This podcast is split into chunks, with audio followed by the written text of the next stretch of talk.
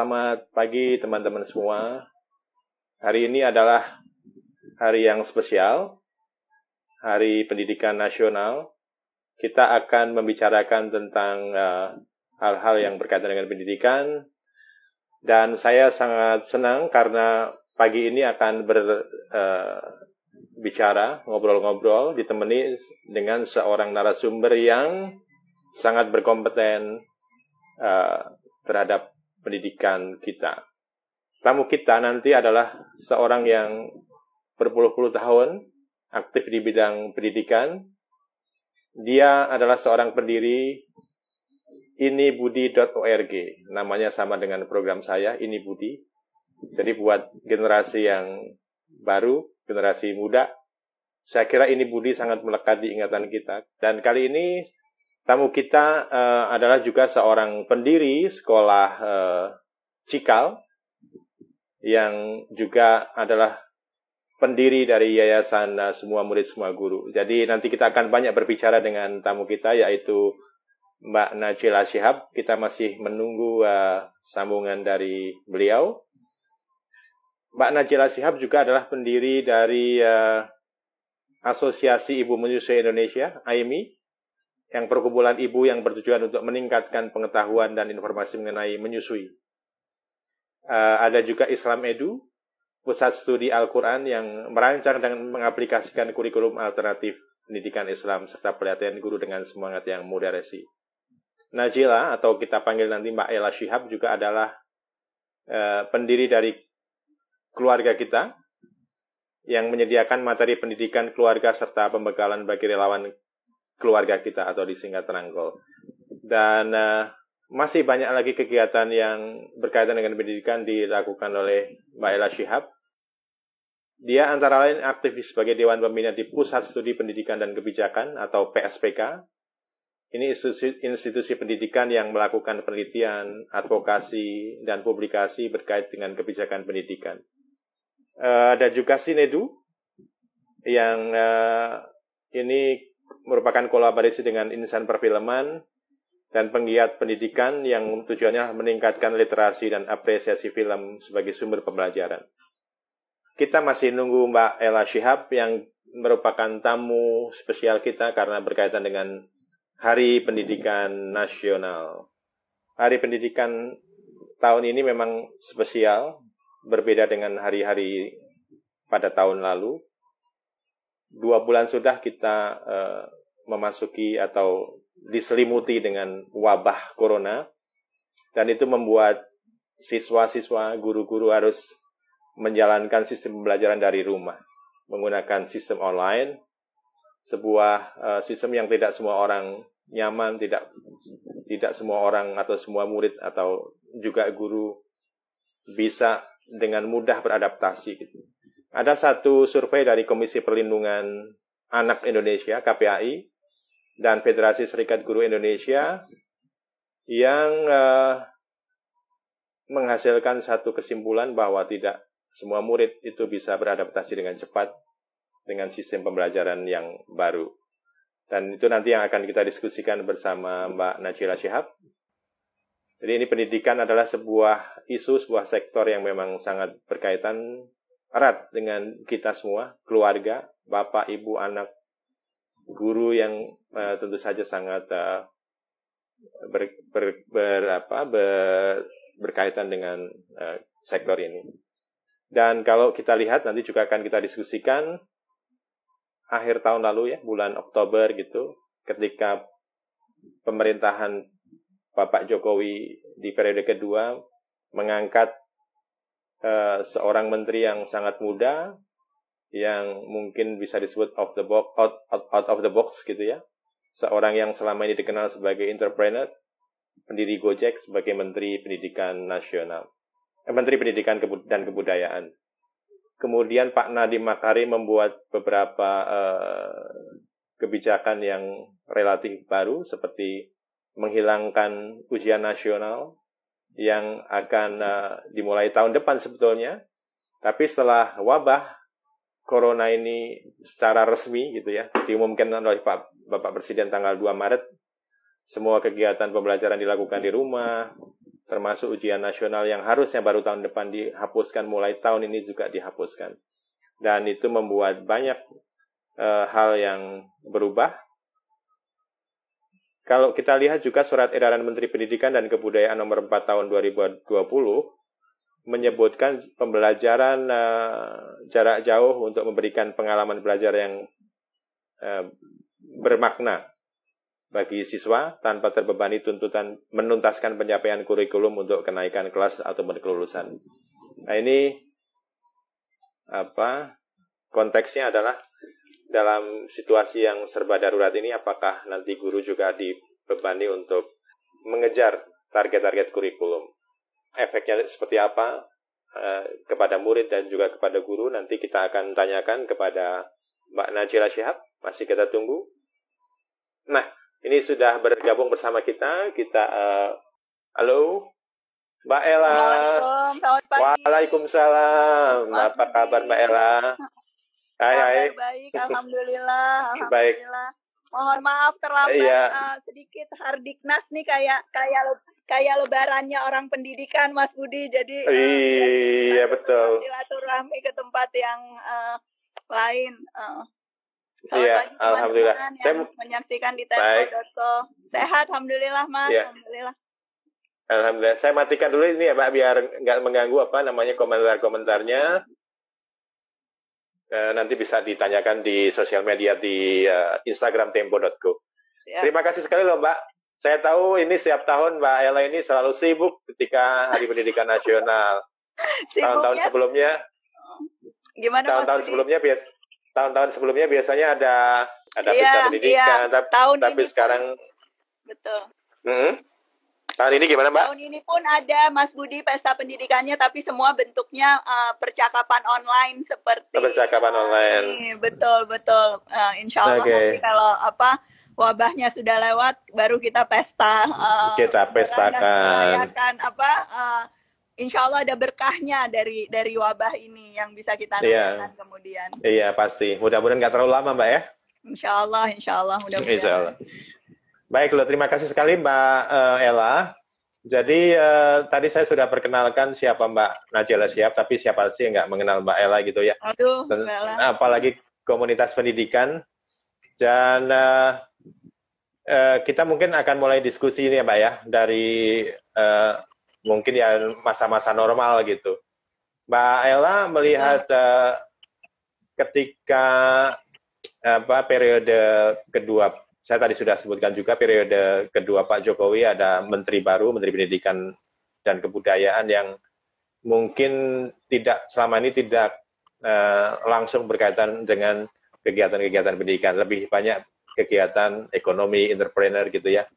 Tapi juga setelah itu ada beberapa hal yang uh, lumayan menjadi pembicaraan orang, misalnya uh, ada penghapusan ujian nasional, mulai tahun depan harusnya tapi dipercepat tahun ini, kemudian ada juga yang apa ya konsep yang disebut sebagai kampus merdeka dan segala macam. Itu menurut Mbak Ella ini sebenarnya kita lagi menuju ke arah mana pendidikan kita ini Mbak? Saya tahu Mbak Ella juga banyak terlibat di penyusunan kebijakan-kebijakan. Betul, uh, Mas Budi. Uh, saya saya terlibat bersama Kementerian Pendidikan dan Kebudayaan dalam kapasitas di Pusat Studi Pendidikan dan uh, yeah. Kebijakan uh, yeah. yang memang selama uh, sudah enam tahun belakangan uh, sesungguhnya uh, bekerja dengan uh, Kemdikbud, tetapi uh, saya rasa uh, sama seperti teman-teman di sini kita punya optimisme uh, yang hmm. luar biasa untuk periode uh, kedua Pak Jokowi untuk uh, uh, apa masa kepemimpinan uh, Mas Nadim sebagai uh, Mendikbud uh, karena memang yang sangat dibutuhkan di ekosistem pendidikan ini adalah inovasi. Jadi yeah.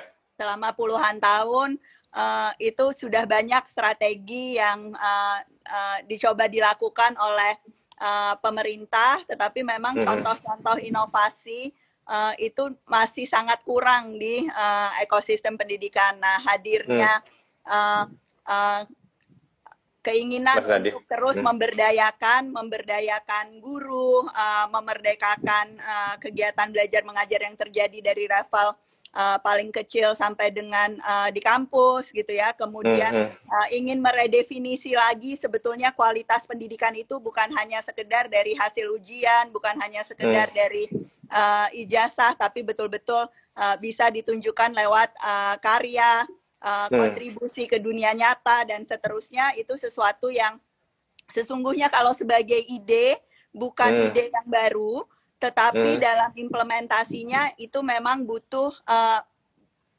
gaya kepemimpinan yang berbeda, yaitu gaya kepemimpinan yang memang uh, bukan hanya sekedar melihat peran pemerintah sebagai regulator uh, uh-huh. yang kemudian uh, menerapkan aturan-aturan atau uh, mencegah terjadinya keburukan, tetapi memang gaya pemerintah yang betul-betul ingin berkolaborasi dengan berbagai uh-huh. pemangku kepentingan, dengan gerakan-gerakan yang ada di uh, lapangan dan jadi agregator dari praktek-praktek baik yang sebetulnya selama ini sudah banyak dilakukan tetapi hmm. mungkin skalanya belum terlalu besar. Nah, ini hmm. ini harapan yang uh, sangat tinggi dari uh, hmm. orang-orang seperti saya yang memang sudah bergiat hmm. di pendidikan sekian lama dan mudah-mudahan insya Allah bisa bisa dipenuhi di uh, periode ini. Yeah.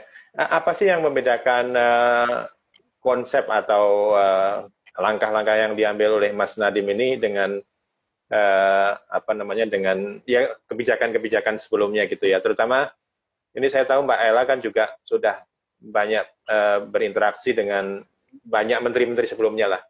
Uh, ini arah kita itu sekarang menuju ke mana uh, dengan langkah-langkah Mas Nadim ini saya rasa kalau kita bicara perubahan pendidikan, kita memang tidak pernah uh, uh, bisa uh, menciptakan perubahan itu dalam uh, tempo waktu yang sekedar sama dengan periode kerja seorang menteri ya, uh, yeah. Mas Rudi. Jadi uh, yeah. apa? Uh, Uh, sebelum Mas Nadim ada Pak Muhajir yang juga periodenya uh, tidak terlalu lama. Sebelumnya ada Mas yeah. Anies yang juga periodenya tidak terlalu lama. Jadi apa pun yang uh, dicoba dilakukan oleh Mas Nadim uh, sekarang sebetulnya juga tetap keberlanjutan dari apa yang dicoba dilakukan oleh menteri-menteri uh, sebelumnya dan uh, mudah-mudahan Mas Nadim dapat uh, waktu yang cukup lama untuk uh, melakukan strategi reformasi ini, tapi pasti tidak selesai di periodenya uh, Mas Nadim. Nah itu jadi yang kemudian menurut saya di Hari Pendidikan ini harus kita pahami, yang kita rayakan hari ini sebetulnya konsep-konsepnya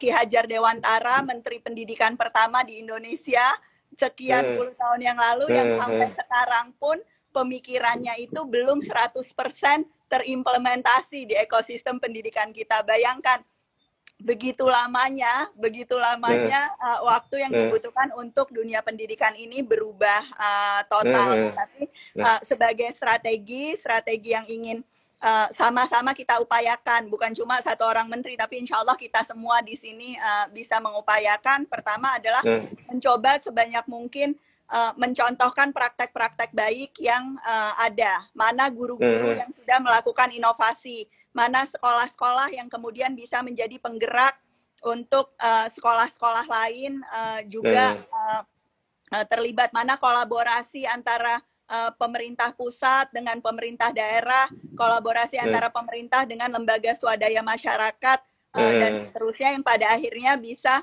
bisa kemudian menciptakan paling tidak paling tidak hmm. uh, kalau dalam diskusi saya dengan uh, Mas Menteri hmm. juga 20 persen hmm. lah 20 persen dari uh, 20 persen sistem pendidikan Indonesia ini bisa uh, bisa berubah dan sehingga hmm. seterusnya uh, reformasinya akan terus terjadi karena jumlah penggeraknya sudah cukup hmm. banyak tanpa hmm. perlu uh, uh, arahan dari uh, pemerintah dan sebagainya. Kalau virusnya ini sudah uh, menyebar kalau kita sudah bisa uh, menciptakan pemimpin-pemimpin di garda terdepan di pendidikan kita, maka insya Allah uh, perubahan pendidikan ke arah yang lebih baik akan terjadi dan pemimpin ini ya uh, menteri pendidikan yang insya Allah baik, uh, hmm. dan bupati yang berkomitmen terhadap perubahan pendidikan, kepala dinas, kepala sekolah sampai guru-guru. Guru-guru itu kan hmm. pemimpin yang paling nyata sebetulnya terhadap yeah, yeah, yeah uh, perubahan pendidikan gitu ya guru-guru yang hmm. memang juga bukan cuma menunggu uh, instruksi uh, mengikuti yeah. kebijakan berubah tetapi betul-betul uh, punya komitmen untuk semua hmm. dan setiap muridnya dan kemudian mengupayakan perubahan dari ruang kelas masing-masing orang tua hmm. orang tua hmm. yang juga uh, terlibat dan dalam suasana wabah ini uh, mungkin hmm. masih banyak yang melihatnya tiba-tiba ketiban kerjaan jadi pendidik hmm. gitu ya Mas Budi karena uh, harus memfasilitasi proses belajar di rumah tapi di rumah. saya mencoba melihat jangan-jangan uh, wabah corona ini sebetulnya uh, kembali menempatkan orang tua sebagai memang hmm. pemangku kepentingan pendidikan Dengan. yang uh, uh, harus lebih banyak terlibat hmm. dalam proses pendidikan uh, anak-anaknya ke depan Anak -anak. bukan hanya iya. sekedar ya. Uh, apa ke sekolah. Se ya. Sebelum masuk ke situ, Mbak, saya masih ingin uh, kita sedikit mengulas uh, secara umum gitu ya. Uh, betul bahwa Mas Nadim selalu bilang bahwa mungkin uh, di masa kepemimpinan saya itu bahkan tidak bisa melihat uh, hasil yang uh, paling awal sekalipun karena perlu waktu uh, dia bilang sekian periode untuk mewujudkan apa yang dia inginkan. Uh, menurut Mbak Ella ini sebetulnya uh, apa sih yang kira-kira menjadi sebuah kalau kita berasumsi bahwa langkah kita itu sekarang udah on the track gitu ya uh, on, the, on the right track gitu. Nah ini apa sih yang akan menjadi uh, apa kendala atau uh, misalnya apa hal-hal apa yang mungkin mempersulit langkah kita itu? Uh, kalau kita bicara dunia pendidikan sekarang itu uh, Mas Budi terus terang yang pro status quo itu masih jauh hmm. lebih banyak daripada lebih yang jauh. menginginkan uh, perubahan dan perubahan. ini bukan situasi uh, unik di Indonesia, hmm. tetapi di mana pun hmm. di seluruh dunia uh, ada hmm. ada riset tentang berbagai hmm. profesi dan berbagai uh, sektor dan hasil hmm. riset itu uh, itu di 73 negara uh, bicara hmm. tentang 100 bidang uh, industri dan industri uh, apa dan bidang pendidikan itu adalah bidang di mana orang-orang yang ada di dalamnya itu orang-orang yang punya imaginary barrier paling tinggi katanya. Hmm. Mayoritas ya. jadi batasan-batasannya itu tentang uh, inovasi bahwa ini harus dilakukan dengan cara konvensional, tradisional, cara yang dulu pun hmm. berhasil, kenapa harus berubah hmm. dan sebagainya hmm. itu sangat hmm. kental. Uh, sangat kental hmm. di pendidik-pendidik di dunia uh, pendidikan. Nah, tapi justru di sini saya melihat uh, Mas Nadim yang datang dari sektor uh, berbeda, industri. Uh, apa uh, uh, yang jauh lebih inovatif gitu ya kalau di bidang uh, teknologi uh, dan sebagainya itu insya Allah bisa jadi pemimpin yang tepat untuk kemudian menggerakkan uh, perubahan, uh, menghilangkan apa ketakutan terhadap resiko perubahan. Padahal dalam kenyataannya pendidikan itu seharusnya memang kan jadi jadi jendela ke masa depan, jadi jembatan ke masa depan. Memang harus inovatif esensinya pendidikan. Kalau pendidikan itu Eh, nggak uh, inovatif, memang kita tidak akan pernah bisa menyiapkan generasi muda ini untuk masa depannya. Akhirnya ya ke masa hmm. lalu uh, uh, terus. Nah ini yang uh, mencoba memengaruhi dan mengajak sebanyak mungkin uh, pemangku kepentingan untuk percaya pada paradigma ini. Uh. Itu yang menurut saya akan paling menantang. Nah karenanya Mas Budi peran peran media uh, perannya hmm. teman-teman media ini dalam kampanye hmm. perubahan paradigma ini menjadi uh, sangat esensial. Insya Allah Tempo hmm. juga uh, selalu yeah, bisa yeah. Uh, berperan uh, dalam. Iya, yeah, yeah. Pasti Mbak. Uh, jadi memang kan kalau tadi disebut sebagai inovasi, uh, apa tuntutan dari uh, semua sistem pendidikan kita, sistem pembelajaran kita, berarti artinya kan guru juga harus lebih inovatif. Uh, modelnya mungkin berbeda. Kalau dulu mungkin terutama zaman saya itu kan selalu hafalan, hafalan, hafalan. Nanti kalau dengan sistem yang sekarang mestinya hafalan itu uh, menjadi hal yang tidak bisa lagi dilakukan. Kurang lebih gitu ya.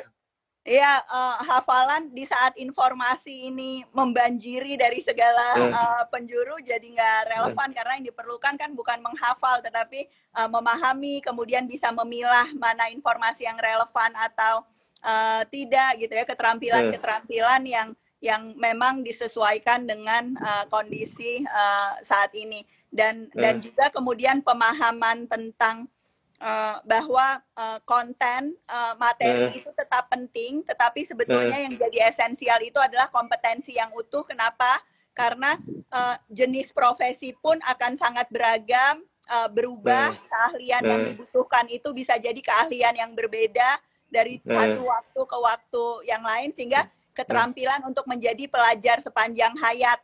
Uh, itulah hmm. sungguhnya dibutuhkan adaptability, agility dan hmm. sebagainya itu mau anak-anak dari usia dini uh, sampai uh, profesional di berbagai lini itu sebetulnya butuh uh, keterampilan belajar itu. Nah, ini yang selama ini tidak ditumbuhkan uh, di pendidikan. Ini yang selama ini uh, kalau di pendidikan Indonesia yang lebih banyak satu arah, lebih banyak ceramah, yang diajarkan adalah jawaban-jawaban yang benar, bukan hmm. pertanyaan-pertanyaan yang kemudian akan memancing Kritis, pertanyaan gitu ya. berikutnya. Uh, Uh, yang diajarkan adalah sukses di atas kertas, tetapi pengalaman di dunia nyata mempraktekkan apa hmm. yang dipelajari itu justru sangat kurang dan ini di hmm. semua tingkat ya dari mulai anak TK sampai uh, universitas pun seperti itu. Nah, mudah-mudahan praktek-praktek itu yang lama-lama hmm. akan makin berkurang dan pada akhirnya memang menghasilkan kualitas lulusan yang berbeda dibandingkan dengan generasi-generasi sebelumnya. Bukan berarti yang lalu lebih buruk, Mas Budi, tetapi bahwa memang kita butuh yang berbeda untuk menghadapi Beda. masa depan yang juga uh, berbeda. Hmm. Uh, tadi mendekatkan dunia nyata dengan dunia pendidikan kita. Itu yang dilakukan uh, Mas Sadim. Kan ada dua ya yang selalu ditekankan adalah numer, uh, apa literasi dan numerasi ya.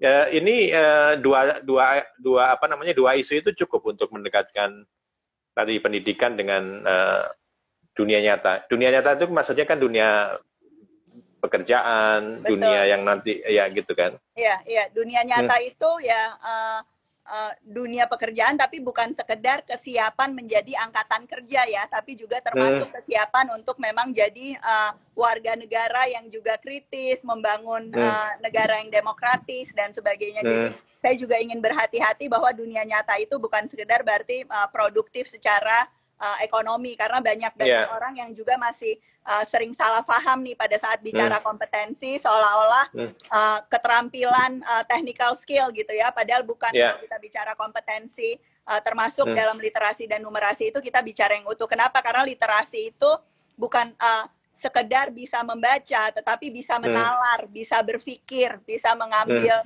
uh, keputusan dan memecahkan hmm. masalah itu sesungguhnya hmm. esensi dari uh, literasi gitu ya numerasi juga hmm. berhubungan dengan uh, hal yang sama sesungguhnya bukan sekedar matematika bisa mengerjakan soal tetapi hmm. bisa uh, memahami langkah-langkah penyelesaian masalah merefleksikan sebetulnya kesalahannya ada di uh, mana memikirkan hmm. formula baru melihat pola hmm. uh, dalam suatu masalah semua keterampilan yang sesungguhnya mau profesinya apa pun bidang ilmunya hmm. apa pun itu uh, esensial dan hal ketiga yang selalu jadi prioritas uh, sebetulnya dari hmm. Mas Menteri maupun Kementerian adalah karakter uh, Mas Budi itu karakter, juga pendidikan hal karakter yang selalu uh, disebut bahwa memang pada akhirnya di dunia nyata itu terbukti kalau kalau Mas Budi uh-huh. pengalamannya sama seperti saya mungkin saya sering bercanda bilang uh-huh. saya itu korban pendidikan Indonesia gitu ya nah, uh-huh. karena banyak hal yang kita pelajari dulu di sekolah terus kita sekarang uh-huh. berpikir ngapain ya gue belajar uh, itu dulu? Nggak ada gunanya. Jadi hal-hal yang justru long lasting berdampak jangka panjang itu karakter-karakter yang kita tumbuhkan. Mungkin justru pengalaman-pengalaman di organisasi, di ekstrakurikuler, yeah. interaksi yang uh, beragam itu yang kemudian ternyata harus dipraktekkan dan jadi modal kita pada saat kita sudah uh, sudah lulus sekolah. Nah, mudah-mudahan porsi porsi hmm. itu juga makin lama akan uh, makin banyak dalam kurikulum hmm. kita, makin sering hmm. diteladankan dan dianggap penting dalam ekosistem uh, pendidikan ini. Hmm. Mbak, ini uh, pertanyaan agak uh, ini ya. Kalau saya guru, Mbak, Ya, saya susah ngukur uh, karakter seseorang, ngukur uh, kemampuan seseorang terhadap uh, literasi, terhadap numerasi. Uh, yang disiapin uh, Mas Menteri dan jajarannya itu nanti gimana itu ngukur ngukur ngukur semua itu? Terutama kan kalau selalu eh, kamu ranking ini Betul, saya juga tadi disebut Iya. Saya ya. saya selalu kalau dulu kayak saya seperti juga tadi disebutkan korban tadi. Saya kan kamu dulu itu kan selalu sering kamu ranking berapa, kamu nah bla bla bla gitu Mas kan. Mas Budi soalnya rankingnya hmm. bawah ya Mas ya. Bawah banget. ya, ya, ya, ya. Kalau aku ranking satu terus Mas loh. Waduh. Tapi ternyata eh. nggak penting. Ternyata nggak ya. penting. Oh ya ya ya. Okay. Karena kalau, pertanyaan ranking itu selalu menjadi momok kalau terima raport kan Mbak dari waduh. Betul, betul. Jadi hmm. jadi gini, pendidikan itu kan kompleks ya uh, hmm. sebetulnya. Uh, saya hmm. saya kalau kalau bicara pengukuran ini saya hmm. sering kali memberi contoh kayak gini Mas, uh, hmm.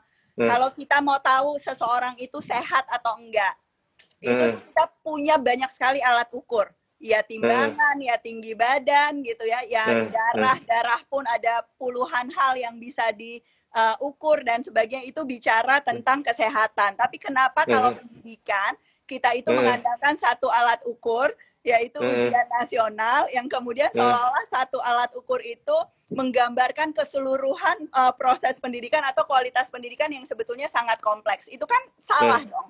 Pasti hmm. banyak banyak alat ukur yang dibutuhkan dan sering kali memang hal-hal yang penting itu diukurnya sulit. Jadi hmm. jangan jangan mencoba mensimplifikasi pendidikan dengan uh, hmm. kemudian pada akhirnya kita jadi punya proksi yang salah terhadap kualitas karena kita kemudian hmm. terlena sama sesuatu hmm. yang salah gitu kan. Nah, jadi hmm. bahwa memang ini proses mengukurnya akan lebih sulit uh, lebih hmm. kompleks, perlu dilihat 360 derajat, banyak alat-alat hmm. yang akan dikembangkan, gurunya harus uh, mahir untuk menggunakan berbagai tools itu gitu. Itu hmm. itu bukan sesuatu yang mau saya pungkiri, memang akan hmm. butuh keahlian untuk kemudian hmm. bisa mendapatkan gambaran yang utuh. Tetapi daripada kita punya alat ukur yang salah, mau ngukur hmm. berat badan tapi pakai timbangan terus kita tenang-tenang aja kayaknya wah dunia hmm. pendidikan Indonesia baik-baik saja itu malah kita pada hmm. akhirnya nggak mencapai tujuan dan dan lihat apa yang terjadi pada kita selama 72 tahun uh, selama bertahun-tahun ini gitu ya uh, dan uh, saya sering gemes Mas Budi kalau kalau orang-orang uh, bilang loh kok ternyata uh, lulusan SMK malah yang uh, paling uh, rendah keterserapannya di dunia kerja gitu ya seolah-olah itu hmm.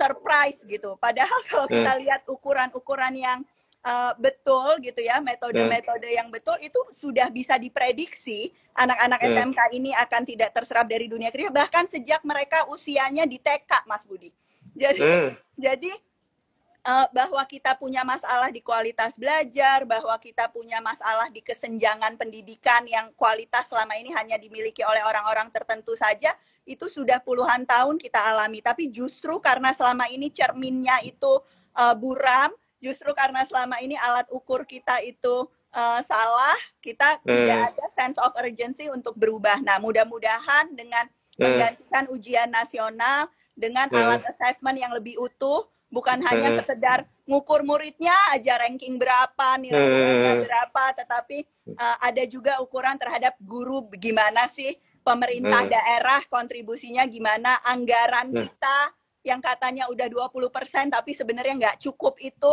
Sebetulnya uh, gimana dan sebagainya kita bisa dapat gambaran yang uh, lebih utuh tentang semuanya bukan hanya terlena pada satu angka rata-rata mau ujian nasional atau nilai PISA atau apa pun itu yang sering kali membuat strategi kita jadinya nggak utuh. Hmm, Oke, okay. uh, eh, dalam uh, konsep yang ya baru ini ya, itu uh, di mana posisi teknologi itu, Mbak? Uh, ini kan pasti hal-hal uh, yang berkaitan dengan teknologi, orang harus bisa belajar mungkin mandiri gitu ya untuk menambah pengetahuan-pengetahuan yang sudah diperoleh di sekolah. Ini uh, sekarang ya harus diakui nah, anak-anak sekolah juga akrab sekali dengan YouTube, dengan media sosial, dan itu juga bagian dari uh, apa uh, ya pembelajaran kita mendekatkan murid dengan dunia nyata. Betul. Menurut Mbak Ella gimana posisi ini? teknologi Posisi. itu ya kalau hmm. saya uh, saya uh, selalu yakin teknologi itu adalah salah satu alat yang paling esensial untuk menggerakkan hmm. perubahan pendidikan. Tapi di sini ya. kuncinya yeah. Mas Budi kuncinya dia itu alat. Jadi alat. berarti tetap harus ada yang bisa uh, mengoptimalkan dan memberdayakan alat ini. Saya nggak percaya bahwa teknologi bisa menggantikan sekolah saya yakin hmm. teknologi secanggih apa pun itu tidak bisa menggantikan peran guru, nggak ada. Uh, yeah. Dan itu reformasi pendidikan di uh, berbagai negara pun yang sudah lebih maju, hmm. baik dari sudut kualitas pendidikan maupun uh, adopsi teknologi itu sudah menunjukkan itu. Uh, sekolah is hmm. here to stay. Uh, interaksi uh, langsung di dunia nyata itu efektif untuk menumbuhkan kompetensi yang utuh guru itu hmm. uh, profesi yang uh, sangat kompleks yang tidak bisa digantikan dengan algoritma apa pun yang uh, ada di dalam uh, gawai. Nah, jadi uh, tantangannya dan ini buat teman-teman di dunia pendidikan maupun di dunia teknologi uh, uh, harus membuktikan bagaimana sesungguhnya teknologi, uh, platform, uh, materi-materi pembelajaran digital atau apa pun itu betul-betul bisa membantu guru, betul-betul bisa mendorong transformasi sekolah. Kalau enggak, teknologi ini hanya akan jadi alat yang kalau ada satu ahli pendidikan Marilano bilangnya one thousand dollar pencil. Hmm. Apa itu one thousand dollar pencil? Jadi hmm. dia cuma fancy aja, kelihatannya uh, keren gitu ya, kemasannya uh, mewah, tapi prakteknya itu praktek sama kayak pensil berabad-abad yang lalu. Tetap hanya digunakan untuk praktek lama, tidak betul-betul mendisrupsi atau uh, mentransformasi uh, pendidikan uh, kita. Nah ini uh, apakah teknologi yang kita gunakan di saat pandemi ini atau teknologi-teknologi yang dikembangkan uh, oleh teman-teman uh, maupun oleh pemangku kebijakan itu betul-betul bisa bermanfaat itu memang sekarang posisinya masih tanda tanya Mas Budi akan dibuktikan dalam uh, beberapa tahun ke depan Insya Allah. Saya saya yeah, iya. optimis yeah. Uh, bisa bermanfaat. Bisa nah oke. Okay. nah ini uh, sekali lagi satu kondisi memaksa orang untuk uh, melakukan mayoritas kegiatannya itu di rumah.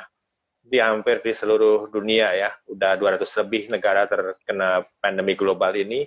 Betul. Uh, apakah uh, situasi ini bisa membuat tadi konsep-konsep yang dirancang oleh uh, Mas Nadim dan juga komunitas pendidikan secara gotong royong ini uh, bisa memper, apakah bisa dipercepat prosesnya atau justru sebaliknya menurut Mbak Ella? saya saya punya beberapa pandangan tentang ini dan sebetulnya punya beberapa uh, data ya yang dikumpulkan hmm. dari praktek lapangan maupun teman-teman yang memang uh, uh, hmm. melakukan penelitian khusus soal ini. Jadi hmm. hmm. apakah uh, proses belajar di rumah ini jadi proses yang uh, menyenangkan dan lebih disukai oleh uh, hmm. uh, murid, guru maupun orang hmm. tua? Hmm. Itu jawabannya hmm. adalah tidak, Mas Budi. Jadi tidak uh, ya. Memang banyak sekali data hmm. yang dikumpulkan yang menunjukkan bahwa uh, semua orang kayaknya nggak sabar untuk kemudian hmm. di, apa ya kembali ke tatap muka uh, iya. uh, di sekolah dan sebagainya itu bisa uh, kembali lagi. Nah, uh, kenapa kenapa memang uh, ini belum jadi metode yang dipilih? Uh, kaitannya dua tentu. Yang pertama memang uh, masih ada proses adaptasi dan belajar karena apa pun yang dipaksa terjadi secara tiba-tiba hmm. itu memang hmm. pasti uh, butuh kematangan dan uh, jangka waktu yang cukup lama sampai pada akhirnya cara baru ini uh, bisa mahir dan optimal digunakan. Nah, jadi hmm. kalau tadi pertanyaannya apakah uh, akan ada perubahan yang nyata, saya jawabannya hmm. tergantung seberapa lama proses ini berjalan. Mungkin memang kalau hmm. hanya berjalan uh, dalam uh, dua bulan ini sebagian hmm. orang masih merasakan painnya, susahnya gitu hmm. ya, nggak efektifnya hmm. dan sebagainya. Jadi kebiasaan dan cara baru ini mungkin akan ditinggalkan, dilupakan total begitu nanti hmm. uh, sekolah udah masuk kembali. Tapi kalau hmm. kalau kalau memang ada waktu untuk kemudian ah ternyata susah payah belajarnya ini uh, uh, udah sampai ke tingkat kemahiran tertentu, mendapatkan uh, manfaat tertentu, mungkin kemudian retensinya sesudah kembali ke nah. normal itu akan jadi uh, jauh lebih tinggi. Nah, tapi hmm. yang kedua saya melihatnya uh, dampak dari uh, penggunaan teknologi di masa pandemi ini memang akan uh, punya uh, hal lain yang kemudian insya Allah membawa perubahan kepentingan yang yang yang yaitu di situasi ini kita semakin melihat betapa besarnya kesenjangan di pendidikan hmm. kita. Jadi hmm. teknologi itu datang bukan hanya dengan kabar baik bahwa dia bisa hmm. uh, memberikan akses Menyangkut. dan kualitas pada sebagian anak, tapi juga menunjukkan uh, uh, bagaimana sebetulnya ada digital inequality, uh, digital uh, divide yang begitu nyata di masyarakat kita. Di saat sebagian anak sebagian hmm. sekolah, sebagian kampus dan mahasiswa itu baik-baik saja gitu ya. Ibaratnya hmm. uh, nggak hmm. uh, ada sekolah, nggak ada guru, nggak ketemu dosen hmm. pun nggak apa-apa. Hmm. Di saat itu kita hmm. melihat sekian puluh persen, bahkan di Jakarta hmm. pun angkanya masih sekitar 29 persen yang tidak bisa mendapatkan akses, akses. pada teknologi hmm. dan gawai. Nah, masalah kesenjangan pendidikan ini sesungguhnya ada corona nggak ada corona itu sudah ada Tetap, di pendidikan kita iya, iya, selama iya. puluhan tahun. Nah tapi dengan hmm. corona ini semakin nyata, nyata, akan semakin besar. Nah saya sangat berharap justru uh, nyatanya masalah ini membuat kita akan bekerja lebih keras lagi ke depannya. Ini gimana nih supaya semua hmm. dan setiap anak ini betul-betul bisa tumbuh utuh, bisa jadi pinter, hmm. uh, guru-guru kompetensinya bisa semakin rata, bukan cuma di kota-kota besar saja. Anggaran hmm. pendidikan bisa diberikan lebih banyak pada yang membutuhkan. Uh, hmm. Mungkin yang sudah bisa mandiri nggak perlu terlalu banyak subsidinya dan sebagainya. Jadi hmm. sesungguhnya banyak uh, hal yang bisa kita pelajari dan kemudian jadi hmm. rencana aksi untuk perbaikan pendidikan yeah. ke depan sesudah ini. Eh, jadi sangat tergantung pada seberapa lama kita semua harus ada di rumah ya. Betul. Tapi sih kalau saya memilih apakah harus lama atau tidak ya saya harus memilih jangan terlalu lama lah ya wabah ini gitu. iya dong, iya tapi, dong. Uh, iya. Tapi uh, gini, jadi ada dua persoalan ya Mbak ya tentang memang tadi orang uh, baik murid atau guru juga uh, agak susah untuk ber, bisa beradaptasi dengan sistem yang uh, darurat ini ya kita katakan darurat aja lah ya karena memang semua dikerjakan mendadak dan dua juga pada akses uh, uh, setiap orang terhadap uh, teknologi terhadap uh, apa namanya ya akses internet dan segala macam yang tadi ya mungkin gawai nah nah kayak kayak gini nih sebetulnya jadinya uh, apa yang perlu dilakukan sehingga kalau kita bisa manfaatkan kesulitan ini menjadi sebuah hal yang justru untuk mempercepat revolusi kita. Saya sebut revolusi gitu ya.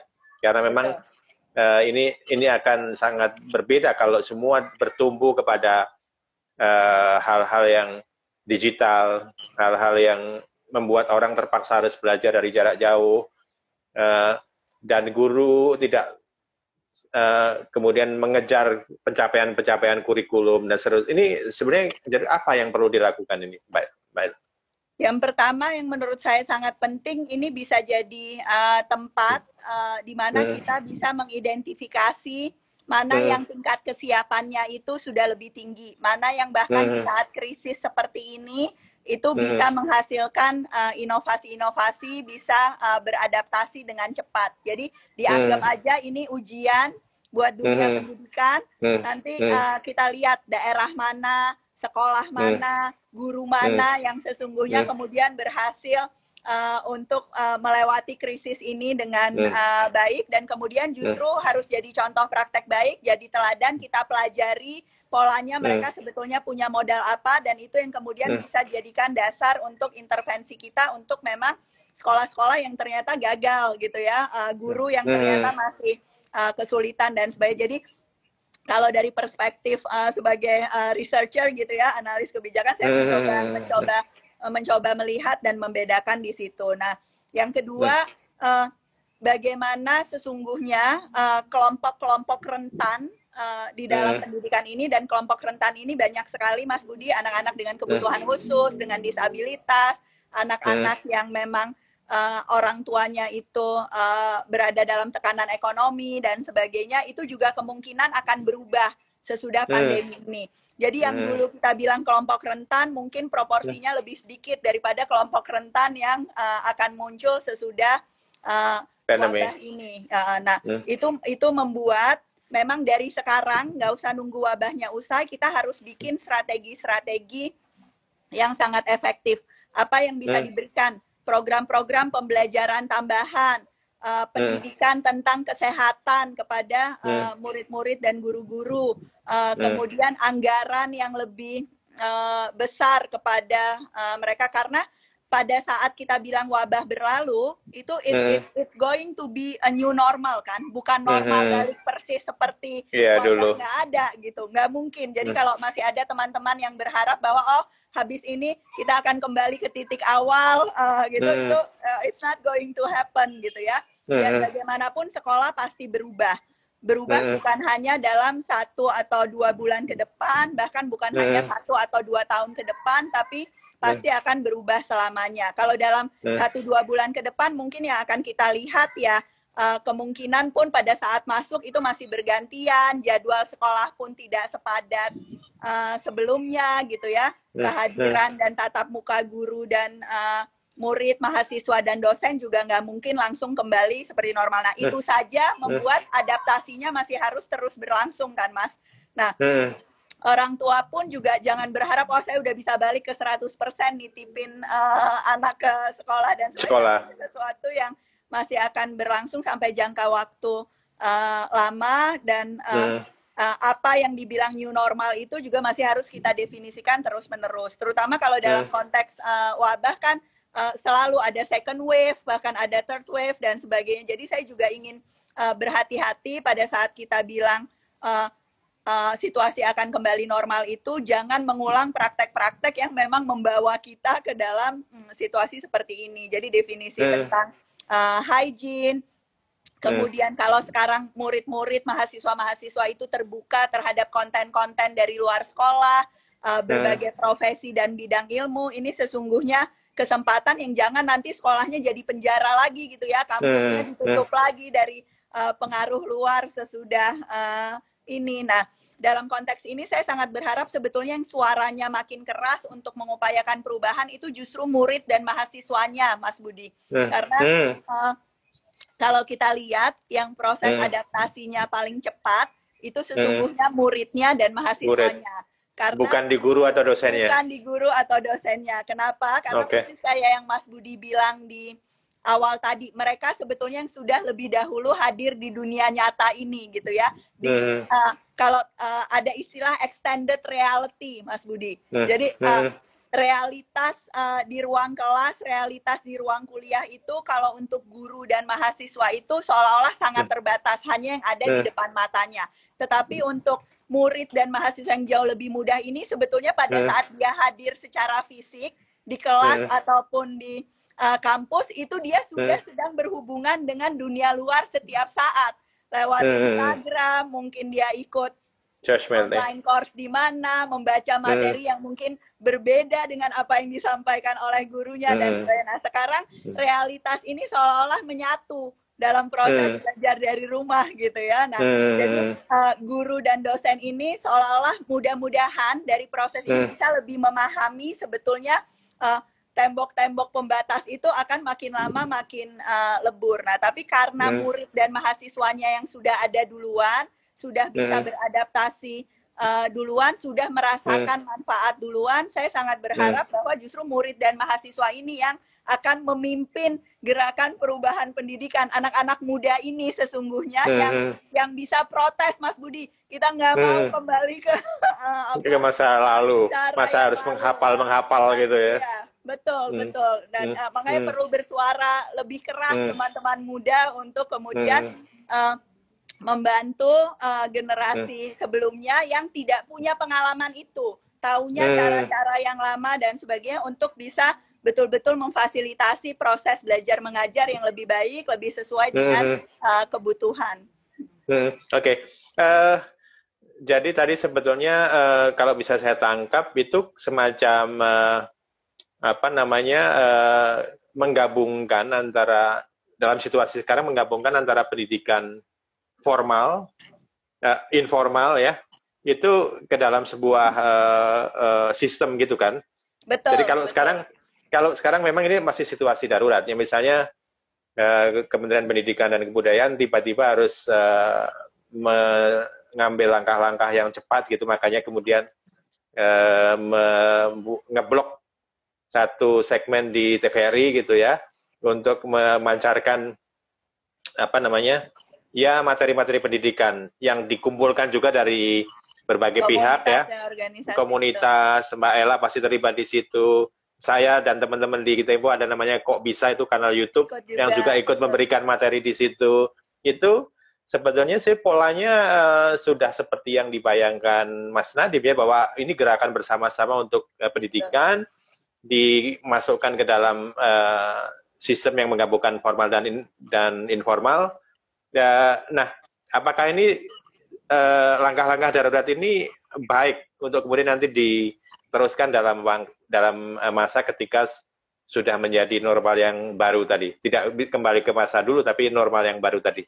Betul. Sangat sangat baik Mas Budi. Saya justru kalau ya. kalau lihat hikmah wabah ini buat dunia pendidikan sebetulnya saya lihat ya. banyak rencana-rencana yang mungkin bayangannya dulu baru akan terjadi 2 3 tahun ke depan. Ini dalam 2 ya. 3 bulan ini dengan terpaksa ya. kita uh, lakukan gitu ya. Jadi kalau ya. ibaratnya uh, maraton kilometer-kilometer pertama ini sudah uh, sudah kita lalui mau nggak mau start gitu ya ibaratnya film trailernya hmm. udah udah jadi nih sekarang udah jadi teaser, uh, tentang hmm. apa sih yang akan dilalui uh, dan. Uh, again harapannya akan ada yang kemudian uh, sesudah ini uh, menemukan hmm. kemandirian baru, menemukan jalur-jalur hmm. baru sehingga kemudian bisa melanjutkan secara mandiri uh, perjalanannya untuk reformasi ini dalam tahun-tahun ke depan, tetapi pasti masih lebih banyak lagi, ini pasti masih lebih banyak lagi yang sebetulnya butuh uh, bimbingan dan dukungan uh, yang uh, ekstensif gitu sampai ke uh, depannya. Dan ini selalu selalu butuh kolaborasi. Nggak bisa dilakukan oleh kementerian sendirian pemerintah sendirian. Nggak bisa dilakukan oleh uh, komunitas dan organisasi uh, sendirian juga gitu. Nggak bisa dilakukan oleh hmm. teman-teman media atau korporasi dan sebagainya sendirian. Tetapi selalu butuh uh, kolaborasi. Hmm. banyak contoh uh, program TVRI hmm. itu saya saya berharap bisa jadi uh, program yang berkelanjutan uh, tentunya karena sudah terbukti jadi uh, solusi untuk uh, hmm. akses uh, nah tapi hmm. memang uh, karena prosesnya masih satu arah, tentu menggunakan hmm. uh, teknologi uh, siar seperti itu juga nggak sepenuhnya uh, efektif. Yeah, efektif. Banyak, uh, apa kanal-kanal lain di uh, YouTube seperti Kobisa hmm. atau platform-platform uh, lain uh, seperti hmm. sekolahmu dan juga semua upaya-upaya dari teman-teman uh, ini yang sesungguhnya bisa terus melengkapi. Kenapa? Karena memang kita butuh banyak strategi, Mas. Hmm. Kondisi hmm. kondisi murid itu beragam banget. Kondisi geografis hmm. Indonesia itu sangat luas sehingga ya hmm. mungkin ada metode A yang berhasil di uh, daerah tertentu, ada cara hmm. Y yang berhasil di sekolah tertentu. Nah, kita justru harus memanfaatkan keunikan ini dan dan hmm. menghargai bahwa konteks yang berbeda itu butuh strategi yang berbeda. Esensinya hmm. merdeka kan itu. Esensinya hmm. merdeka adalah kita komit sama tujuan yang sama. Semua hmm. anak harus dapat uh, pendidikan yang berkualitas, uh, kompetensi literasi, numerasi dan karakternya tumbuh. Tapi caranya seperti apa? caranya yeah. seperti apa itu kemudian ditentukan oleh memang orang-orang yang bergerak di dalam uh, konteks itu kebutuhan muridnya seperti apa tingkat kompetensi gurunya seperti apa orang tuanya keterlibatannya seperti apa adopsi teknologinya seperti apa itu semua faktor yang perlu diperhatikan. Tidak ada satu resep yang hmm. pasti berhasil di semua uh, konteks gitu. Nah ini yang yang mudah-mudahan bukannya uh, balapan siapa yang menang siapa yang kalah tetapi uh, kita semua bisa sampai ke uh, tujuan sambil terus membuktikan strategi mana yang sebetulnya berhasil strategi mana yeah. yang uh, perlu diperbaiki lagi gitu ke depannya. Oke. Okay. Uh, Mbak ini uh, di sisa waktu sedikit Uh, saya pengen Mbak Ella uh, mungkin men, apa, me, uh, merumuskan apa sih yang harus dilakukan oleh tiga komponen ini ya. Ada guru, ada siswa, ada orang tua. Nah ini dalam eh, pendek-pendek peran apa sih yang di, mesti harus dilakukan atau apa yang mesti harus dilakukan ketika memang zaman sudah berubah, eh, revolusi sudah terjadi, eh, terutama setelah wabah ini. Menurut Mbak apa yang murid, guru, orang tua? Oke, okay. saya mulai dari uh, guru dulu ya. Yang yang yeah. pertama guru, uh, saya selalu percaya bahwa guru itu tugas utamanya belajar, bukan hmm.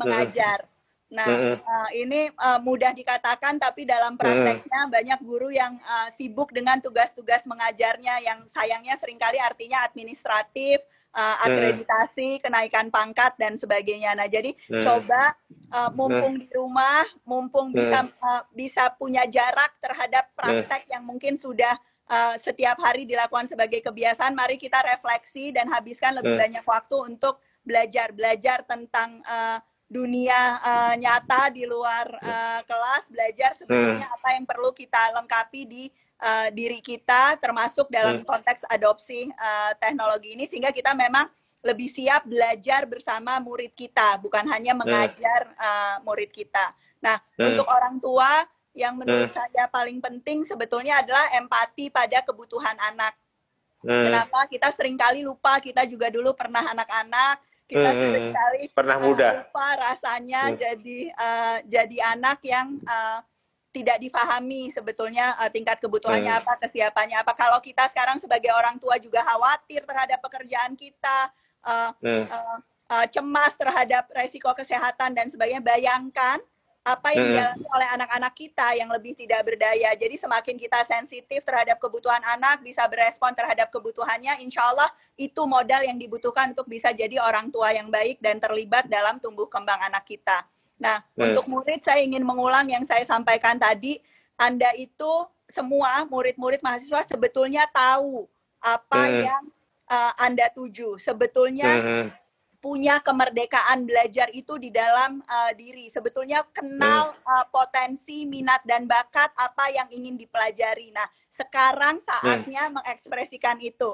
Sekarang saatnya hmm. mengeksplorasi hal-hal yang mungkin dalam situasi normal itu nggak ada waktu atau nggak jadi prioritas. Nah, tunjukkan itu, komunikasikan itu kepada guru, kepada orang tua. Insya Allah mereka siap mendengarkan dan kemudian siap berubah untuk ke depannya bersama-sama dengan murid-murid. Iya. Yeah.